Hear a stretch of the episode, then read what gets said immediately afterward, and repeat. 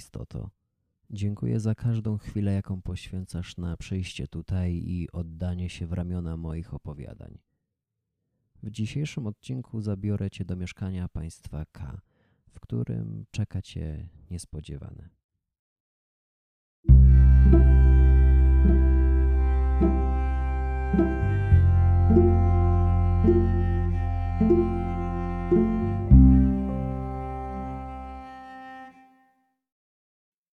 Gdy pchnęła drzwi mocniej, te nadal nie chciały się otworzyć, jakby kiedyś złożyły przysięgę swoim domownikom, że będą chronić mieszkanie nawet wtedy, gdy uleci z niego ostatni podmuch ciepła. Przez długie lata drzwi te otwierały się często. Nie były też zbytnio zżyte z chłodnym dotykiem klucza, bo gospodarze wiedli życie barwne, pełne spotkań, długich rozmów, obfitych posiłków z coraz to nowszymi znajomymi. Czasami otwierały się z hukiem i zamykały z trzaskiem, ale nikt z sąsiadów się tym nie przejmował, ponieważ gospodarze po prostu tacy byli. Żywiołowi, głośni, zawsze ciekawi i gotowi do dyskusji. Nie obniżali tonu, gdy pojawiały się tematy powszechnie uznawane za wstydliwe. To, że przytrafiały się nieraz wybuchy złości i nieporozumienia, to nic nadzwyczajnego, zwłaszcza, że państwo K nigdy nie dopuścili się zniewag pod adresem swoim czy też rozmówców. Potrafili kłócić się pięknie, a to raczej wszystkich ujmowało niż zmuszało do obaw i interwencji. Ich mieszkanie znajdowało się na końcu długiego korytarza. By do niego trafić, trzeba było przejść przez szwadron dyskretnie przybliżanych do wizjera oczu, ale ani państwo K, ani ich goście nie widzieli w tej ciekawości nic złego. Jesteśmy przecież zwierzętami stadnymi. Niczyja to wina, że nas ciągnie do ludzi, mawiała pani K, która nie mogła uznać życia w mieszkaniach izolatkach za naturalne. Zdarzało się, że otwierała nieraz okno i zaczynała ćwierkać jak ptak. Jakby naprawdę rozumiała ptasią mowę i posługiwała się nią wtedy, gdy nie mogła już znieść życia w ciasnym pomieszczeniu, odgrodzonym od innych istot i natury. Nie ma zresztą przesady w tym stwierdzeniu, bo okoliczne ptaki rzeczywiście rozumiały jej mowę i zlatywały licznie, by przysiąść na balkonowych barierkach. Te, które nie chciały się zatrzymać, kręciły przed nią piruety, otaczały panią K.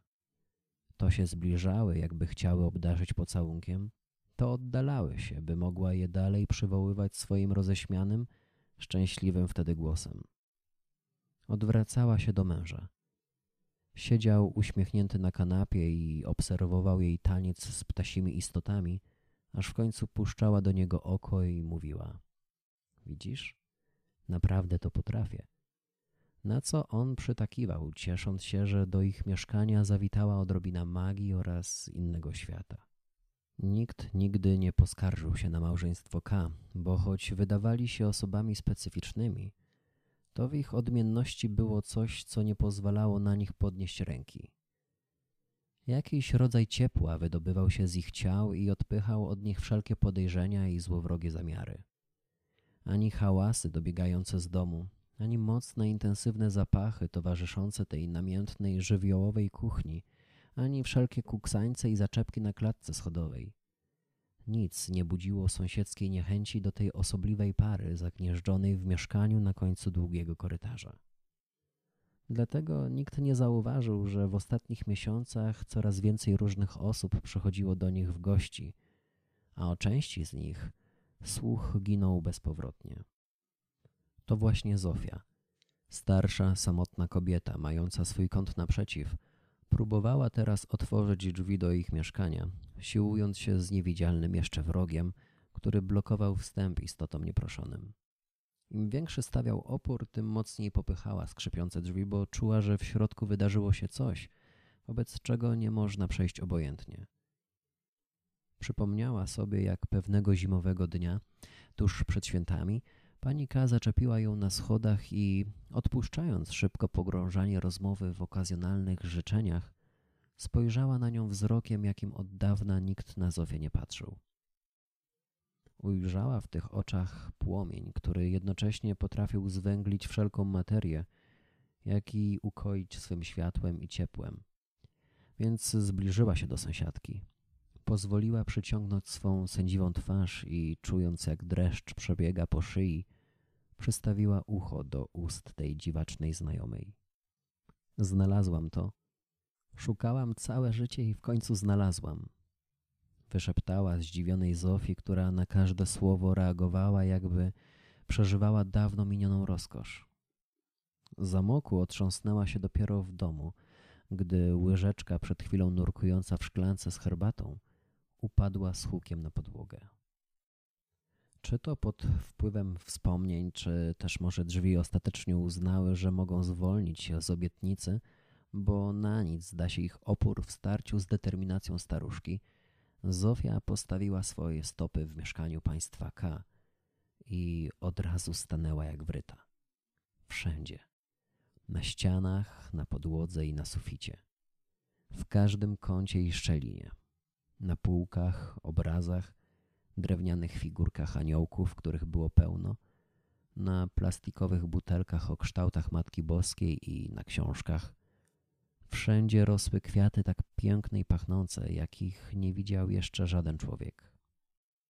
Stojąc z otwartymi ustami, Zofia nabierała przekonania, że się jej umarło i trafiła do raju, w którym tylko przez jakiś dowcip, niebiańską igraszkę brakuje chmur.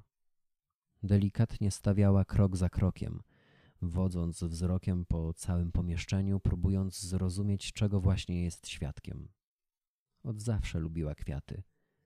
Zachwycała się ich kolorami i zapachami, a tu nawet nie potrafiła nazwać tych roślin wyrastających zewsząd.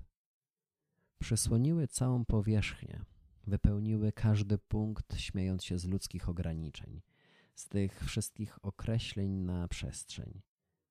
Dla nich nie było dołów, gór, kwadratów i kół. Było tylko miejsce, które nie mogło stać się przeszkodą dla narodzin piękna.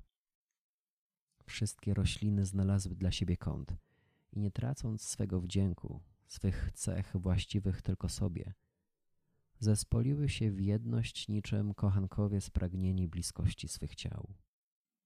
Była zbyt zaaferowana i skupiona na wwąchiwaniu się we wszelkie zapachy do niej dolatujące, by mogła usłyszeć subtelne szepty, które rozchodziły się po mieszkaniu, jakby trwała w nim zawzięta rozmowa na nieskończoną ilość tematów. Szepty wydobywały się z każdego zakamarka, a wyswobodzone roznosiły się w każdą ze stron, zostawiając po sobie niezauważalne ślady wielkiej pasji i emocji. Zofia nie słyszała tych dyskusji. Nie wiedziała, że odbywa się tu właśnie wielka debata, co prawda bez znaczenia dla losów świata, ale jednak przynosząca rozmówcom przyjemną pieszczotę w łodygach.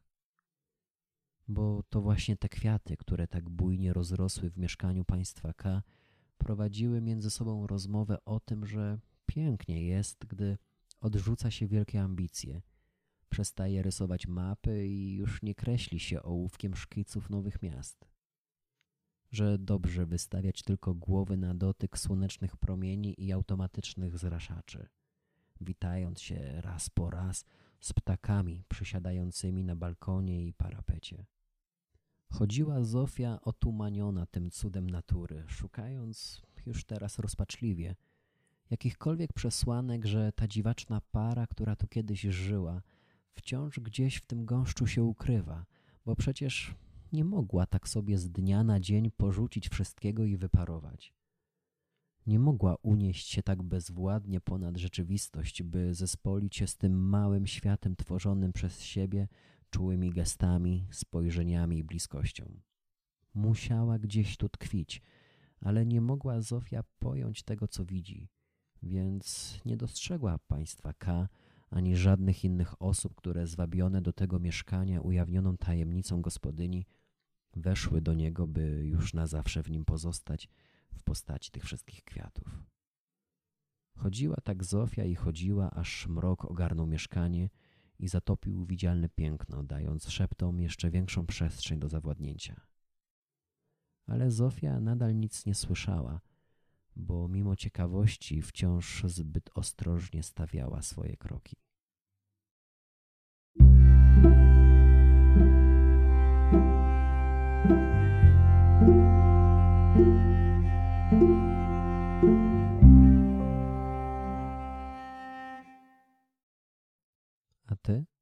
Co sądzisz? Czy nie pięknie by było, gdyby nasze mieszkania również zarosły kwiatami? Zaobserwuj ten kanał i przyjdź ponownie w najbliższą niedzielę. Do zobaczenia.